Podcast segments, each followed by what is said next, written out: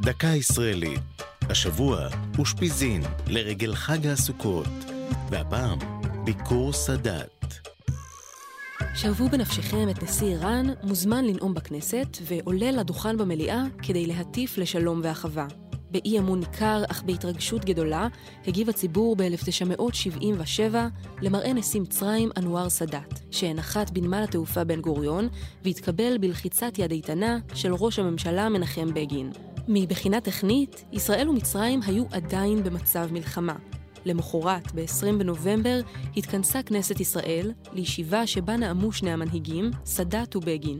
בצעד היסטורי הבטיח סאדאת לישראל שתוכל לחיות בביטחון, והצהיר על רצונו לזנוח את דרכי המלחמה ולנתץ את העוינות בין העמים. السلام عليكم ورحمة الله والسلام لنا جميعا بإذن الله מנחם בגין חיזק בנאומו את דברי עמיתו המצרי, הילל את אומץ ליבו והחל לשלום בין המדינות.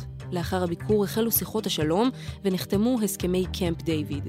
הם היו הבסיס להסכם השלום שנחתם בתחילת העשור הרביעי למדינה. זו הייתה דקה ישראלית על אושפיזין וביקור סאדאת.